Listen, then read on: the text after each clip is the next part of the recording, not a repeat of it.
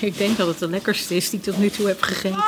Dus dat, eh, Wat leuk. Nog lekkerder dan die van je moeder. Sorry, man.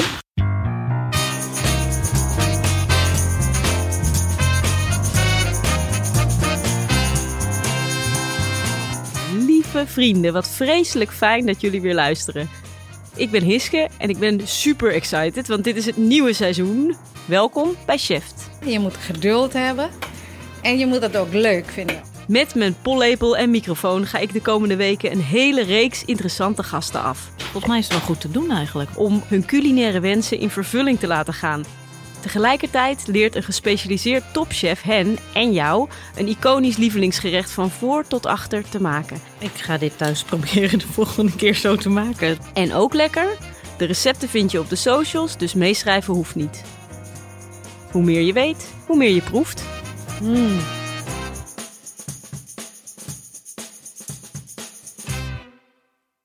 Mijn allereerste gast is Jonica Smeets. Je kent haar natuurlijk. Ze is hoogleraar wetenschapscommunicatie, wiskundige en allround leuk, slim en grappig type. Jonica, wil je kort vertellen wat je wilde leren maken? Ik wil graag leren om rendang goed te maken. En het is een gerecht waarmee ik echt ben opgegroeid. Mijn moeder maakte het vroeger vaak. Rendang is een gerecht dat oorspronkelijk uit West-Sumatra komt, van het volk de Minangkabaus. Het werkwoord merengdang wordt daar gebruikt voor de kookmethode waarbij je iets langzaam gaart onder voortdurend omscheppen tot het vocht is verdampt en het vlees gaar. Een tijdrovend klusje. Uh, de beste vrienden van mijn ouders komen uit Indonesië en hadden ze uit die familie een recept. Dat heeft mijn moeder dan een paar keer gedaan. Uh, maar uiteindelijk is ze toch ook overgestapt op een boemboe van de toko en daar doet ze het nu mee. Rendang is het ultieme Indonesische anti-winterdepressivum. Extravagant geurig. Het is niet te pittig, maar wel verwarmend. Ik vind het echt een soort troostheid. En ik bedacht wel dat het um, een beetje ironisch is dat ik eigenlijk heel weinig vlees eet. En dat ik toen bedacht van ja, welk gerecht zou ik echt graag willen leren maken. En dat het dan toch zo'n zo'n rendang, zo'n stoof is. Rendang maak je meestal met rundvlees. Bijvoorbeeld met mooi doorregen rib of halslappen. En in Indonesië wordt het ook wel eens met geit, eend of lever gemaakt. Maar je kunt ook een totaal niet onverdienstelijke veganistische rendang maken. Met nanka, beter bekend als jackfruit. Dat gaat ook nog eens veel sneller dan met rundvlees. Wat ik er heel tof aan vind is dat het zowel in de winter als in de zomer goed werkt. Als het heel warm is, is het fijn. Maar ook juist als je de hele dag door de regen fietst. Um, maar ik kan het zelf eigenlijk alleen maar met een boemboe. En dat is natuurlijk toch niet helemaal de bedoeling. En daarom koppelde ik haar aan de Indonesische chef Titi Waber van restaurant Blauw in Amsterdam. Hoi Titi. Hallo. Jonica wil graag leren om uh, rendang te maken. Is dat moeilijk? Uh, ja en nee. Ja, als, als je weet hoe dat moet, uh, hoe dat gaat in de Indonesische keuken, dat gaat het wel. Alleen rendang is een, een heel speciaal gerecht dat je steeds moet erbij blijven. Je mag niet weglopen, zeg maar, als je iets rendang maakt. Het is rendang dus, zoals behang. Niet rendang zoals mestgang of gifslang. Titi leert ons de complexe, gelaagde boemboe from scratch te maken. En zet ons vervolgens aan het roeren, want voor rendang heb je tijd nodig. We leren nieuwe ingrediënten kennen. Wat gooide jij nou net in de pan? Kurkumablad, moet je ruiken. Oh, wauw. Dat is echt een heel groot blad. En er gaan ook nog een paar heilige Indische huisjes de versnipperaar in. Herfstdip, winterdip, move over, zet de stoelen aan de kant, de wok op het vuur en rol je spierballen maar vast warm, want we gaan scheppen. Nou, uh, zet ons maar aan het werk, zou ik zeggen. Um, het recept hangt hier. Um, kijk, ik kook altijd met het gevoel. Ik volg wel het recept wat erin zit. Maar dan moeten wij steeds proeven. Het begin, uh, wanneer we het begin aan het koken en, en het einde. We blijven proeven tot we het uh, echte smaak krijgen die we willen. En wa waar zijn we dan naar op zoek? Naar welke smaak? Rendang moet kruidig zijn, heet zijn, een klein beetje zoet. Uh, en dan, uh, ja, dat zout moet je dat ook proeven. Dus waar gaan we nu mee beginnen? We gaan alle kruiden in stukken snijden. Dat mag jij doen. En dan met dit machine fijn malen. Oké, okay, nou, er staat van alles klaar. Om te beginnen maken we de boemboe. Dat is een currypasta-achtig samenstelsel van gedroogde en verse kruiden en specerijen. uien, rawitpepers, tamarinde, veel knoflook. We horen nu het geluid van, de, van het citroengras. Dat is altijd een beetje hard. Mag ik van het mes ruilen? Ja hoor. Ik ben eh, gehecht aan mijn eigen mes. De boemboe is wat dit gerecht zijn enorme gelaagdheid en complexiteit geeft. Er gaat kurkuma in, nootmuskaat, korianderzaad, komijn, gember, galangawortel. Dit kan je ook stukjes snijden en de stengel mag eraf. Ja, Die gebruiken we niet. niet geschild. Dit is eh Laos, hè? Laos hoef je niet te schillen. Oké, en stengels gebruiken we niet. Ik vind Laos altijd zo lekker ruiken. Weer even grote stukjes. Dat ruikt heel lekker, ja. Ja, een beetje zo gemberachtig, maar ook weer niet, ook een beetje citroenig. Veel mensen, waaronder Jonica en haar moeder dus, kopen de boemboe kant en klaar. Bij de supermarkt of bij de toko. Maar, vertelt Titi, dat is toch echt niet hetzelfde. Hoe sta jij tegenover het kopen van boemboes? Hoe is de kwaliteit van... eh, Ja, je kan het beter zelf maken. Daar zit eh, heel veel conserverende middelen in. En ja, hoe langer, hoe langer houdbaar, hoe... Wat kan ik het zeggen? Hoe niet goed het is. En ehm, beginnen alle eh, gro- grote Indonesische gerechten met een boemboe? Ja, ja. Het belangrijkste is de boemboe. Als de boemboe goed is, dan is het gerecht ook goed. Oké. Je kunt het beste een heleboel tegelijkertijd maken en dan een deel invriezen. Wat een luxe om altijd uitzicht te hebben op zo'n koninklijk maal. En dan wrijven we deze authentieke boemboe natuurlijk fijn met de chobek en oelekan, de authentieke Indonesische vijzel waarvan het karakteristieke geluid ons terugbrengt naar de gordel van smaragd. Eh, toch? Titi?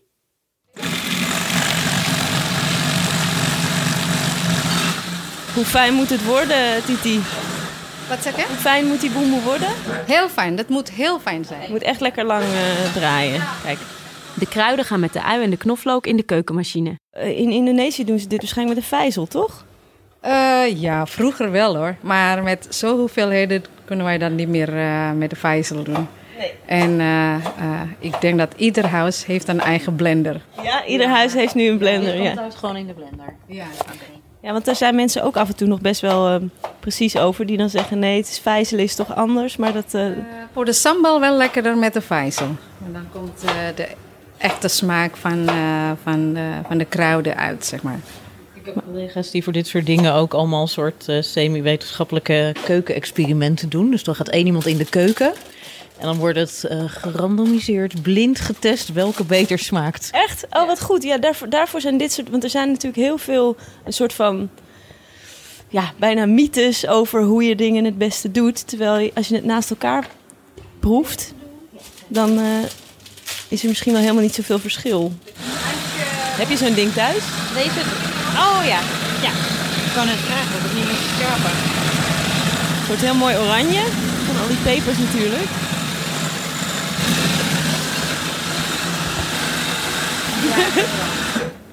Ik ben ook heel ongeduldig. Ik zou zelf eh, na een eh, 10 seconden gedacht hebben, nou, nu is het wel klaar. Oké, maar goed, moet dus langer. Nou, het is mooi, een beetje echt wel eh, echt een soort van egaal. Of niet helemaal. Ik zie nog wel stukjes peper ook weer in. Mag ik proeven? Of nog wachten? Ja, daar komt hij. het duurt even. Hij hakt met een kleine vertraging in. Ik vind hem lekker. Ja, dit is lekker. Heel smakelijk. Houden wij Hij is dat fris. hè? En hier doe je er geen eh, zout bij bijvoorbeeld. De zout, zout en suiker doen wij altijd op het laat. Oké. Je kan beter later doen dan eerder, want... eh, Het gaat nog inkoken en... eh, Ja, precies. Eh, en dan weet je wel dat het niet te zoutig eh, zal Hmm. worden. Behalve kokosmelk gaat er ook nog 200 gram kokosrasp in de saus. Titi bakt de kruiden en ook de kokos eerst even aan in de wok. Daar heeft ze een prachtig nieuw Frans keukenwoord voor mensen. Mioteren, dus ik ga het bakken zonder eh, olie, dat het een beetje bruin wordt. En eh, daarna maken wij dat fijn in eh, dat machine. Ja, en hoe heette dat? Want ik zag het ook in het recept. Ja, dat is dat uh, kokosrasp. Ja, en hoe heet het? Wat je moet doen? Oh. Ik ga aanbakken. Mioteerde kokos. Nou, Zo. Mioteren.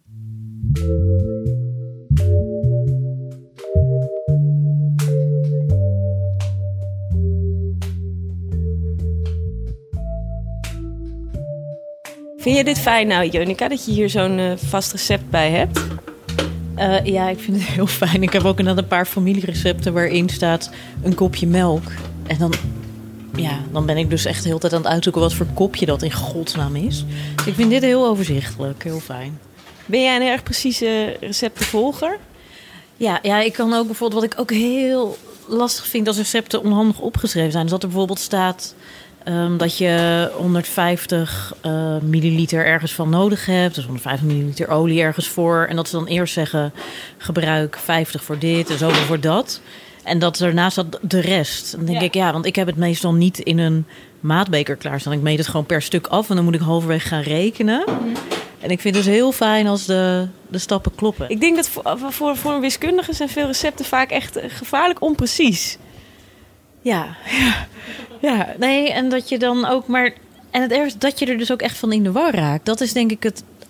Dat, omdat je het gewoon niet gewend bent kan ook bijvoorbeeld heel erg in de war raken bij recepten in de krant, die natuurlijk wat sneller gemaakt zijn, wat minder getest. Als er bijvoorbeeld een ingrediënt bij staat, waarvan niet in het recept genoemd is wanneer je toe moet voegen. Ja. Daar, daar raak ik dan echt wel um, van in lichte paniek als ik sta te koken. Ja, dat is natuurlijk ook altijd wel het lastige met recepten, dat het eigenlijk meer een soort van.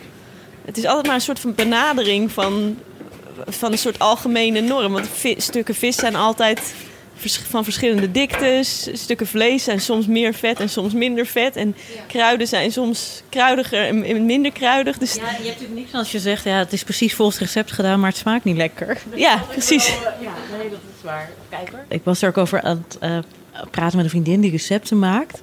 Uh, dat ik bijvoorbeeld Otto Lengi...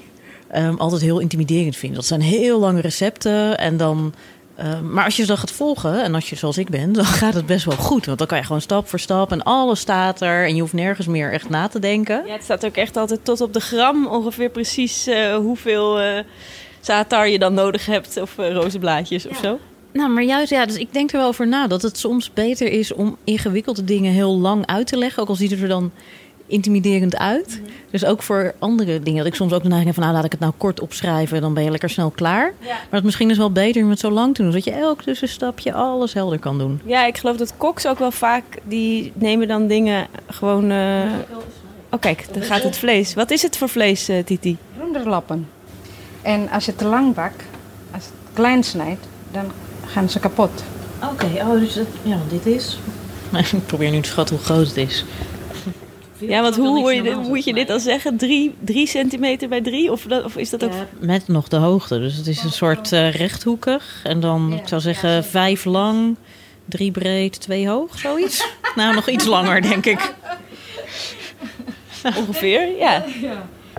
Dat, wij wat, wat uh, makkelijker denken. Dat is gewoon grote blokjes. zeg maar pingpongballen. Ja, die weet toch niet, als jij zegt grote blokjes, die snijdt misschien gewoon zo'n hele lap dan in tweeën. Ja. Snij het in blokjes van 1 centimeter, dan denk ik ja, dat is geen dimensie van een blokje. dan raak ik echt serieus, ja. ja.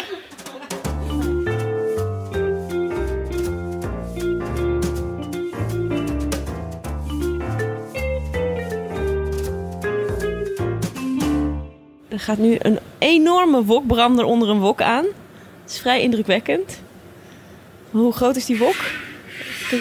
Heb jij een beetje een timmermans oog? Uh, even kijken. Ik denk iets minder dan een meter diameter. En er gaat een flink, dus net een uh, grote schep olie ingegaan. En dit moet dus in een wok of kan het ook in een koekenpan? Het kan in een koekenpan.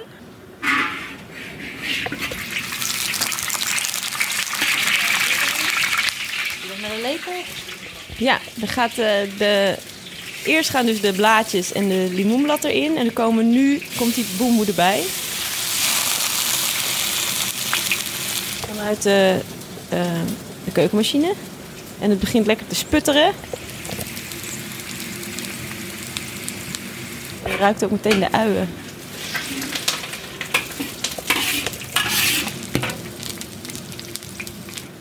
Er ging trouwens nog er ging iets in, maar wat was het? Wat gooide jij nou net in de pan? Kurkuma-blad. Moet je ruiken. Oh, wauw. Moet je kijken. Wat dat is echt een heel groot blad. Moet je zien, Jonica. groter, hè? Oh. Wauw. Oh. Wat grappig. Dus het is het blad van de kurkuma.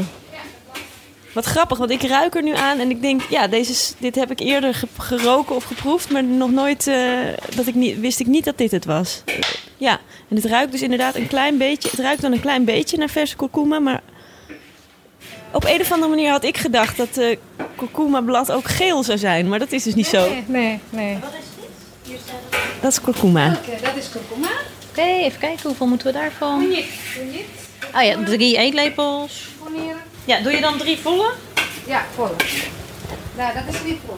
Wel, zo vol Oh, Oh, oké, nou zie je. kijk. Het is weer allemaal heel erg onprecies, want hoe groot is je lepel? En eh, prachtige gele kurkuma. Dat is komijn. Gemalen komijn. Dat ruik je echt meteen heel erg.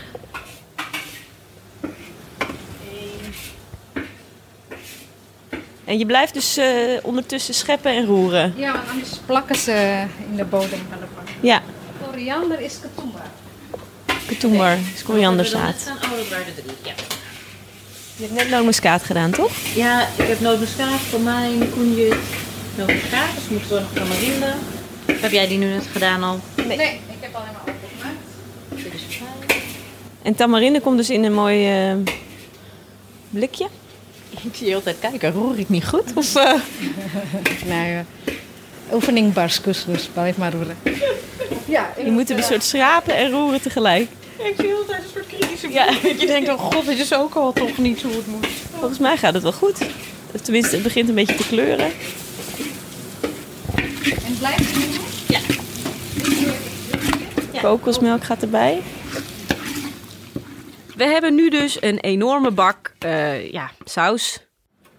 Ja, het is echt best wel eh, vloeibaar nu. Maar het gaat straks dus waarschijnlijk met dat vlees helemaal inkoken om droog te worden. Ja. Er wordt nog wel eens een beetje ge- gehosseld over wat nou rendang is. Hè? Want bijvoorbeeld Johannes van Dam die zei altijd... nou, die Nederlanders die maken die rendang altijd veel te nat. Het moet heel droog zijn. Wat zijn eigenlijk de regels voor die rendang... wat betreft hoe vloeibaar die saus is of hoe, hoe droog die is? Eh, er zijn twee soorten rendang. En eh, ze komen allemaal uit Sumatra. De ene is eh, droog en dat is zeg maar de ouderwetse rendang. En dan heb je natte rendang, wat vloeibaarder. En sommige mensen vinden dat ook lekker. En dat heet kalio. Dus eh, rendang kalio. Dat is de natte. Ja, dat is de natte.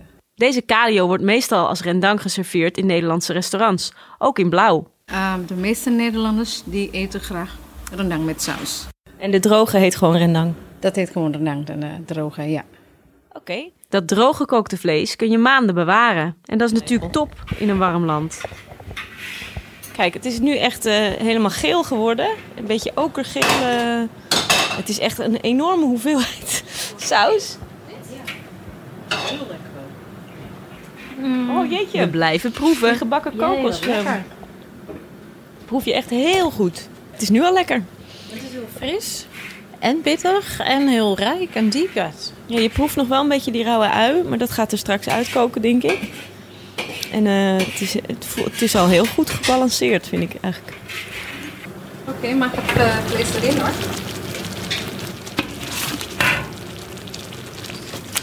Kijk eens. Nou, nu is het alleen maar koken, laten koken en blijven proeven. En je blijft proeven dus. Blijf proeven, ja, dat vind ik het leukste. En wat, wat verandert er dan in de smaak zo? Want het moet best wel lang koken. Ja, de smaak wordt veranderd, de kleur wordt veranderd.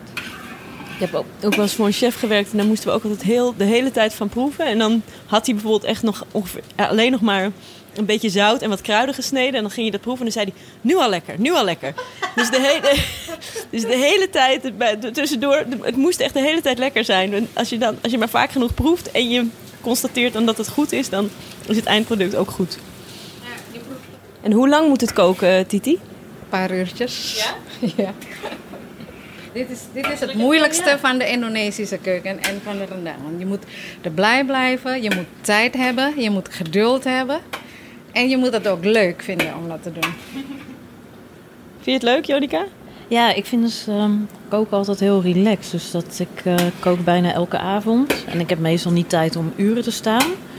Maar ik vind het altijd wel inderdaad een soort... eh, ja, ontspannend. Zeker als je gewoon weet van nou, je hoeft niet alle ingewikkelde dingen te doen, maar gewoon een beetje roeren.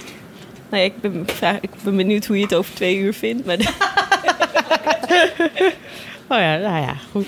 Het is ook super zwaar, omdat het zo'n grote wok het is is. echt heel veel vlees en een hele grote schep. En het is hier ook best warm. Dus eh, voordat we verder gaan met het scheppen van de rendang, even een bericht van onze sponsor, Helpling. Hey Hiske, Ja, Lieke. is jouw keuken nou altijd brandschoon? Nou, ik ben eigenlijk best wel een, eh, ja, een troepige kok. Dus nee, absoluut niet. Je hebt mensen die voortdurend tijdens het koken met doekjes eh, rondgaan en tussenafwasjes doen en zo. Maar bij mij ziet het er eerlijk gezegd al snel uit alsof er eh, een bom is ontploft. Oh ja, ik had het laatst dus ook. Toen had ik soep op het vuur gezet, maar dat was ik eigenlijk even vergeten. En toen was het helemaal zo ontploft. Zo tegen, tegen de achterwand aan en zo over mijn fornuis. Ja, damn. weet je wat het ergste is? Pannenkoekenslag. Dat is echt een soort cement. Dat groeit helemaal vast. Bij hardnekkige pannenkoeperslagspetters achter de koelkast biedt Helpling uitkomst. Helpling is een online schoonmaakplatform waarop je binnen no time een vaste huishoudelijke hulp kunt vinden, bij jou in de buurt. Zo regel je met weinig gedoe een betrouwbare huishoudelijke hulp. En heb je tijd om eindeloos te roeren in die rendang, te sporten of om naar de film te gaan. En omdat Helpling ook weet dat je liever in de keuken staat dan het huis schoonmaakt, krijg je als luisteraar van Chef nu 15 euro korting op je eerste schoonmaak van een herhaalboeking. Ga daarvoor naar helpling.nl en vul de code CHEF15 in. Helpling.nl dus. En als code CHEF15. En dan nu door met de podcast. Zo? We blijven roeren en scheppen. Kook je ook wel uit de losse pols thuis, Jonica? Ehm, nou, niet zo vaak eigenlijk. Normaal zoek ik toch altijd wel recepten op op internet en dan volg ik die. Ehm, dus ik, ik heb eigenlijk maar een paar recepten die ik echt vaker maak. En verder eigenlijk niet zo veel dezelfde dingen. Ik vind het eigenlijk wel leuk om elke keer wat anders eh, Ja, oh wat goed. En een van de dingen die dus uit mijn hoofd maak is gewoon de andijvie-stampot. Oh ja, daar hoeft geen recept bij. Classic, ja.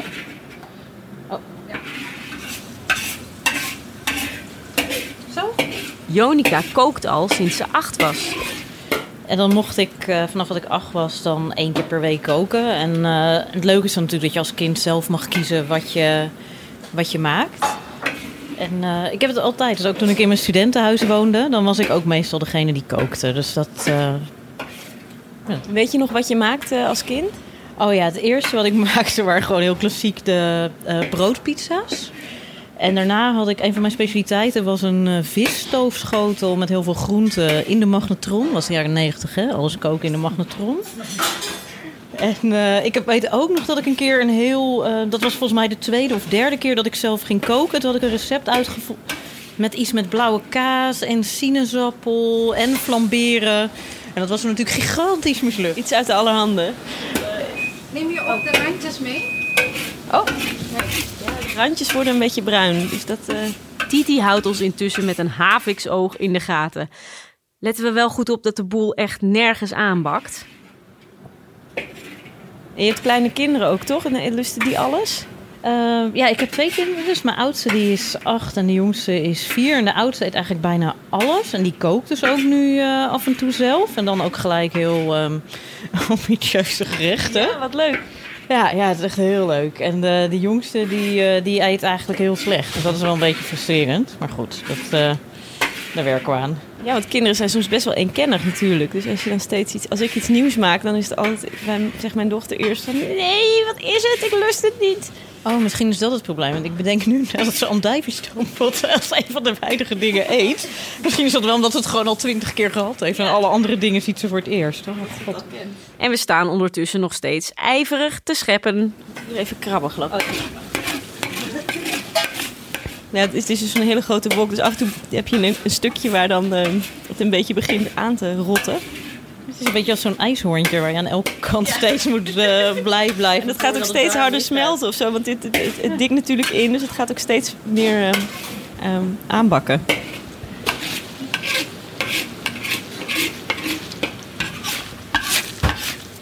Heel leuk.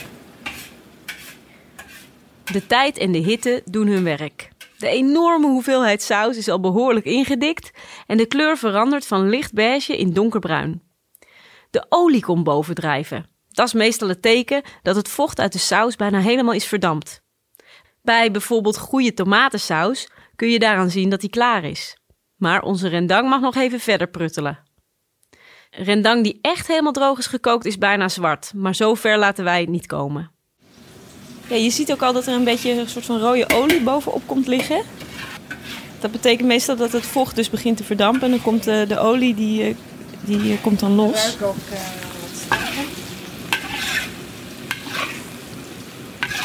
Ja, het begint nu ook wel een beetje gebakken te ruiken. Maar we zijn nog niet klaar. Ik. Maar je, gaat dus, je staat dan dus eh, drie uur sta je zo te scheppen. Eh, ja. kan soms langer, hè? Ben je ook van het bakken eigenlijk? Taarten en koekjes en brood en zo? Brood niet zo snel, wel taart en koekjes. eh, ja, alles eigenlijk wel. En wat, eh, wat is je, heb je een soort van succes eh, taart of een, wat je altijd maakt voor verjaardagen? Of, ik heb een chocoladetaart. En dat is wel grappig, want dat had ik ooit gelezen als student, het recept. En het was heel veel gedoe. Eh, dus met- met alles netjes apart kloppen en heel veel losse stappen. En toen zei een vriendin van, ik ga hem gewoon een keer maken... terwijl ik alles bij elkaar in de, in de blender of in de, met de staafmixer gooi. Ja. En toen proefde we het verschil niet. Dus sindsdien maak ik hem op haar manier. Gewoon in de staafmixer. ja, alles bij elkaar, hoppakee. En, ehm nou, of nee, trouwens niet met de staafmixer, met eh gewoon een mixer. Ehm, en die is heel lekker en heel makkelijk. Oh, wat goed. dan met een chocoladeglazuur en dan vers fruit. eh. Grappig is dat. Er zijn natuurlijk heel, best wel veel recepten die gewoon op een bepaalde manier worden gemaakt. Omdat het gewoon nou eenmaal altijd op die manier wordt gedaan. En zeker in die Franse keuken, zit, die zijn ook zo hiërarchisch. Dat er ook eigenlijk niet wordt aangemoedigd dat mensen vragen of het ook anders kan. Nou, ik heb dan ook een paar jaar terug heel erg dat, ehm, dat moleculair koken thuis geprobeerd. Dat je dan ziet dat dat wel heel nauw luistert allemaal. De moleculaire keuken groeide aan het begin van deze eeuw uit tot een soort hype. Een gimmick waarbij chefs overal schuim uit slagroomspuiten opdeden en met dampende kommen vloeibare stikstof door het restaurant liepen. Maar eigenlijk behelste het idee weinig meer dan het toepassen van wetenschappelijke inzichten op de bereiding van gerechten. Het uitzoeken van de natuurkundige en chemische processen die tijdens het koken plaatsvinden. Toen je bezig was dan met, die, met dat moleculaire koken, voelt het dan ook als een soort van wetenschappelijke benadering of zo van het, van het koken? Of wat trok je daarin aan? Ja, precies. Het, die wetenschappelijke benadering. En ook de, dus dat je je afvraagt van waarom moeten dingen op een bepaalde manier? Kan het ook anders? Ik bedoel, ik vind ook eh, Harold McGee vind ik daarom ook heel tof. Omdat hij ook heel erg onderzocht. Inderdaad, het is natuurlijk interessant als je een recept ziet om te weten van ja, waarom moet je eigenlijk die stappen zo doen? Maakt het nou echt veel uit voor de smaak? Om echt te kijken hoe zo'n proces werkt. En van dat mole- moleculair koken was natuurlijk gewoon heel interessant om met andere technieken eh, vertrouwde smaak te krijgen. Ja. ja. Het is grappig dat dat koken is eigenlijk voor een heel groot deel is het soort van over, overgegeven cultuur of zo. Terwijl de processen natuurlijk heel natuurkundig zijn. En Mc- McGee is, daar, dat is dan een, de schrijver van eh, een boek over eh, natuurkundige en chemische processen in, eh, in het koken. En die, die bunkt daar ook gewoon heel veel dingen die echt volgens mij al sinds de, sinds de jaartelling door koks aan elkaar worden verteld. Zoals bijvoorbeeld die biefstuk, dat je die niet moet dichtschroeien omdat anders de sappen eruit, eruit lopen. Dat dacht Aristoteles al, maar het is onzin. Door het samentrekken van de eiwitten in het vlees wordt het vocht juist naar buiten geperst. En er is dan dus niemand tot McGee die gewoon een keer die biefstuk gaat wegen van tevoren en achteraf. Om te kijken of dat nou, of dat nou echt zo is of zo. Ja, en dat is niet specifiek denk ik voor koken. Dat is denk ik overal zo. Over alle ins en outs van het biefstuk bakken hebben we het trouwens in een volgende aflevering. Ik heb een keer een heel groot stuk geschreven over de, de, de schrift van mayonaise. Omdat dat ook in professionele keukens is dat echt een soort... Dat, dat voelt bijna als, als een soort vloek, zeg maar. Dus dat, dat, eh, dat de mayo gaat schiften. En, en eh, eh, je weet heel vaak helemaal niet hoe dat komt. Want het kan door zo. Je, het kan zijn doordat het te warm is in de keuken. Of dat, dat je ingrediënten op verschillende temperatuur zijn. Of, en juist omdat mensen dus niet, niet weten hoe het kwam, werd vroeger werd bijvoorbeeld heel vaak gezegd dat het kwam omdat er een, een menstruerende vrouw in de buurt was. Dus dat dat het dan wel zou zijn wat die schrift zou opwekken. Nee, en dan zie je juist dat als mensen het niet kunnen, dat ze dus met verklaringen kloppen die ook helemaal niet kloppen. Dus dat is denk ik misschien wel wat het meest typerend is aan de wetenschap. Dat je liever zegt van nou, ik weet niet hoe het zit, dan dat je een verklaring maar verzint die aannemelijk klinkt, maar van je eigenlijk ook wel weet dat die Ja, verzonnen is. ja. Van alle vrouwen in de buurt vragen of ze toevallig ongesteld zijn. En als er dan één ja zegt, dan heb je je... Ja, het is misschien beter om te zeggen ja, we hebben gewoon geen flauw idee hoe het komt. Het is vervelend, eh laten we opnieuw beginnen. Ja. Maar dat is voor wetenschappers natuurlijk ook best wel moeilijk. Om te zeggen van we beginnen weer opnieuw. Ja, maar het is wel wat er natuurlijk de hele tijd gebeurt. Je doet een onderzoek en je hebt allemaal ideeën en dan ga je het testen en dan werkt het allemaal niet. En dan is wel de eerlijke oplossing om te zeggen, nou ja, we hebben het geprobeerd en het werkt niet. En niet om dan wanhopig te gaan zoeken naar een heel klein dingetje wat wel werkt. Want dan loop je inderdaad in die verklaringen van menstruerende vrouwen die je mayonaise laten schiften.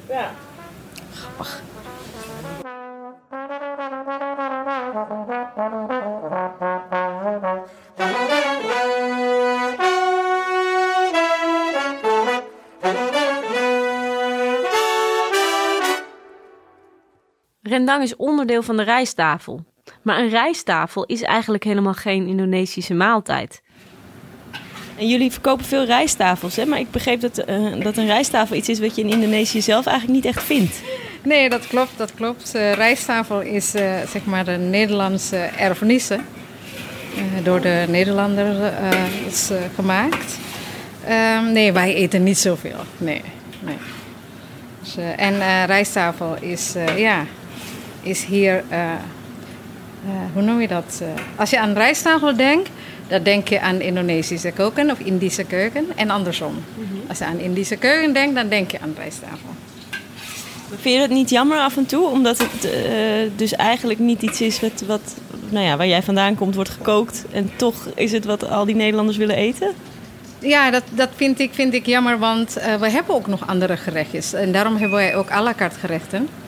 Dat willen wij dus eh, aan, aan, aan de publiek, Nederlandse publiek eh, laten proeven. Want Indonesië is niet alleen maar rendang en semoer en gado-gado, zeg maar. Het is meer dan dat. Want hoe, eh, als jij in Indonesië bent, hoe ziet de maaltijd er dan uit? Los van elkaar. En de meeste restaurants in Indonesië, ook misschien in het hele Azië, is niet net als wat wij gewend zijn hier. Dus één restaurant is gespecialiseerd in één gerecht. Bijvoorbeeld alleen sate ayam of sate kambing. Dus niet het hele gerecht zoals wat wij hier hebben. Ja. ja. Dus als ik saté wil eten, dan denk ik, ja, ik ga naar het lekkerste saté van de stad.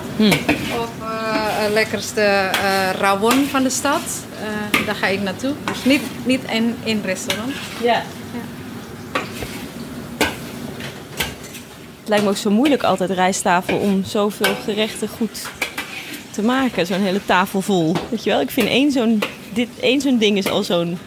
Ja, maar, ja, en ook als eten. Dat je, dat je denkt, ik heb liever eigenlijk één gerecht wat ik kies... wat helemaal bij elkaar past en wat echt heel lekker is... dan van heel veel dingen één hapje. Ja, want zeker ook al zo'n gerecht als dit. Er zitten al zoveel verschillende specerijen in en kruiden en ingrediënten. Het is echt best een complex, complexe smaak of zo. En dan krijg je er tien van. Eh, ja, moeilijk om je te concentreren dan of zo. Ja, plus dan heb je er één die het lekkerst vindt...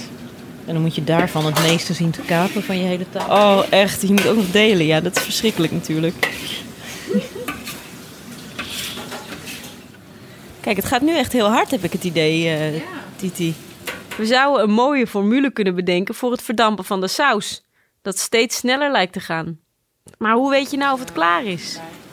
Zou je dat nou ook weer in een formule kunnen vatten? Wat nou het optimale moment is om, die, om dat vuur uit te zetten? Nee, maar ik denk wel, dat dacht ik net ook bij die pepers, dat je dus beter iets te vroeg kan stoppen dan iets te laat. Dus je kan beter iets te weinig pepers doen en je kan hier ook beter uit voorzichtigheid iets te vroeg stoppen. Ja. Want zodra je eenmaal een punt voorbij bent, dan is het Dan is het best. te laat, hè? Ja. ja. Ja, Zullen we nu maar stoppen? Want het is... eh, het is Geur, die brengt me naar huis. ja? Ja. Oh ja. ja. Oh, ja. En meestal, eh, wanneer waar het feest is, dan ruik je dit soort dingen. Ja? echt wel heel goed. De, je ziet heel erg dat die olie loskomt uit, eh, uit de saus. Dat het echt hard begint aan te bakken. En de kleur wordt donkerder ook. We moeten nog een keer proeven. Mm. Inderdaad niet zo heel pittig, maar wel... Ik vind het bij pepers altijd zo fijn als het zo... Als je het niet meteen proeft, maar als het zo een beetje komt aanrollen, zeg maar. Van die... krijg je zo'n tinteling in. Ja, eh, dat is fijn. En vlees mag ook niet uit elkaar vallen nu, toch? Of wel? eh, dat mag, maar eh, dat hoeft niet. Hè. Eh, dat net wat wij hebben geproefd is ook al eh, wat zachter. Ja, het, is, het wordt snel eh, zacht. Ja. Weet je nu of het klaar is? Eh, je kan zeggen dat het nu klaar is. maar als je denkt dat ah, dat kan nog wat droger, dat mag het ook. Daar is daar geen echte regels voor. Ja, als jij vindt dat, ah, ik vind dit lekker droog genoeg, Ja? dan is het voor jou klaar. Want het vlees is, eigenlijk is al zacht. Maar het hoort dus droger nog dan dit. Het kan droger zijn. Het kan droger. En tot hoe droog dan? Want er is natuurlijk een moment waarop het gewoon eh, niet meer goed is. Ja, ja, te hard, dan wordt het hard. Hè? Ik, ik vind dit lekkerder, want dan kan ik met rijst bijvoorbeeld alleen de, de kruiden eten. Ja. Ja, Ja. met de eh, bij. Kijk nou. Hoe lang hebben we nou geschept? Heb je pijn in je armen, Jonica? Eh, nee, maar ik moet natuurlijk eerlijk bekennen dat ik niet het meeste werk heb gedaan. Omdat ik uh, een keer streng werd aangekeken als ik stond te scheppen. Echt waar? Ja, je kan je- Ja. Oh, nou, dat, is, dat is niet bewust. hè? maar even. Er komt echt heel veel olie uit, hè? Ja. Die is er allemaal weer uitgekomen. Die, eh, die olie is denk ik ook Ik- echt ik heel, heel erg lekker. Heel mooie rendang hoor. Ik vind het zo. Nee, ik vind hem er heel mooi uitzien. En ik, wat, je, wat je niet zo snel maakt zelf, maar wat er echt, ja, het ziet er echt fantastisch uit. Want je ziet inderdaad wel nog zo, zo'n lekker laagje kruiden eromheen. Maar het Ja. is niet zo'n heel erg drillerige saus. Nee. Dus, eh, Ja, het is meer een soort kruidenpasta die helemaal om dat vlees heen zit eh, gebakken dan een, dat het in een saus ligt. Het ligt eigenlijk in een, in een olie. In een olie, ja. Die olie die uit eh, gerechten komt is trouwens sowieso best wel een goede tip. Voor, ook voor pastasaus bijvoorbeeld. Als je tomatensaus maakt, dan is dat ook klaar als de olie eruit loskomt weer. Want dan is dat vocht verdampt en dan schift het en dat, eh, dat werkt eigenlijk heel goed.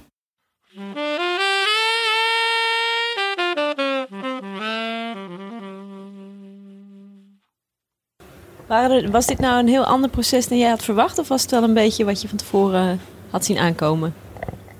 Nee, ik was dus totaal niet bewust van het verschil tussen die droge en natte rendang. Dat is echt wel eh, eh, een eye-opener. En het ging in zekere zin sneller dan ik had verwacht. Want ik had gerekend op een uur of 4, 5 stoven. Maar tegelijkertijd is het wel intensiever. Want normaal als ik stoof, dan zet ik het op een laag pitje. En dan ga ik gewoon eens per half uur zet ik een wekker. En dan roer ik het weer eens om.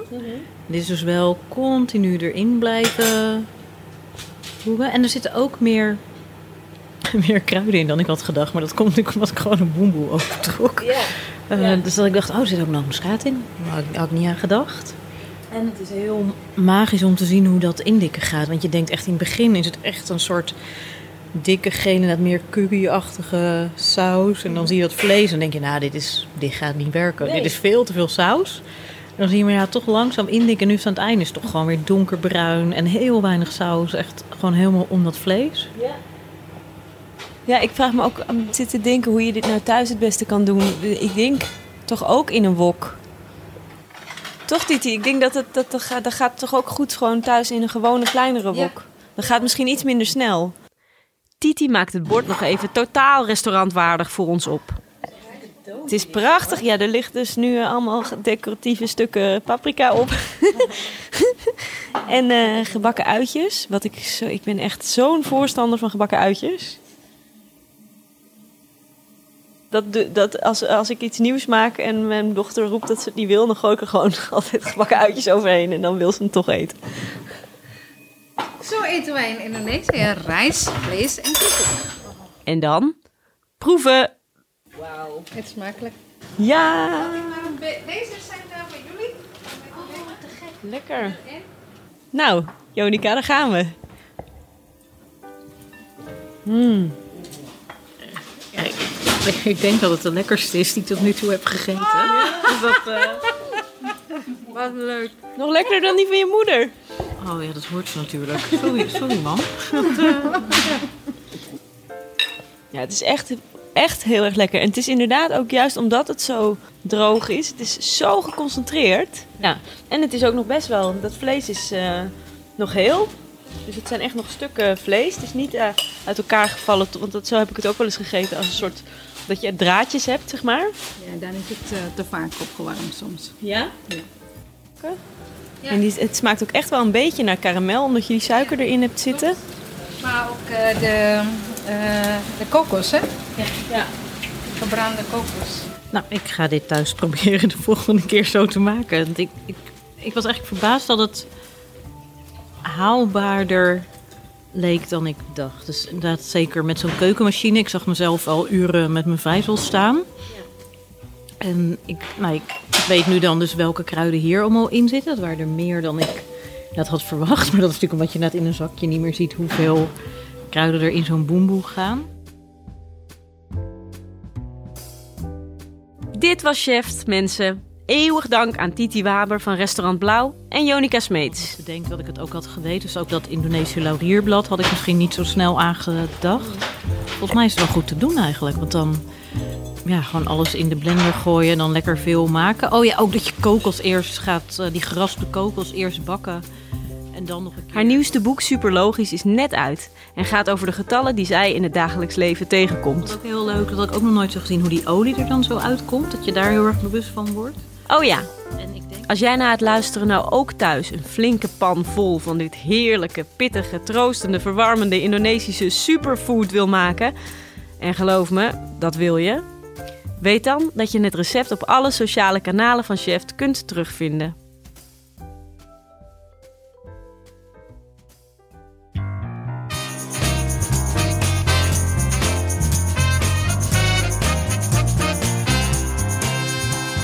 Heb je lekker geluisterd?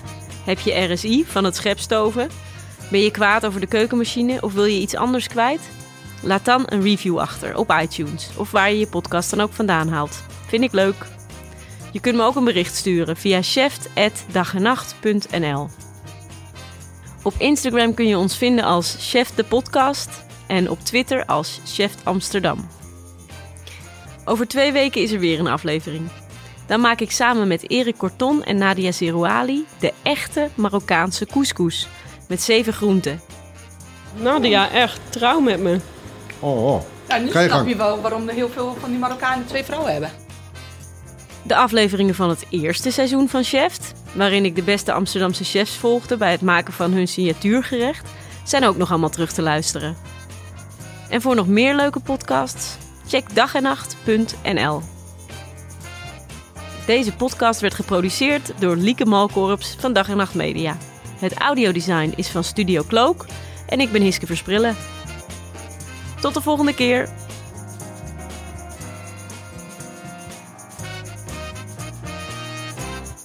Ik ben echt zo'n voorstander van gebakken uitjes.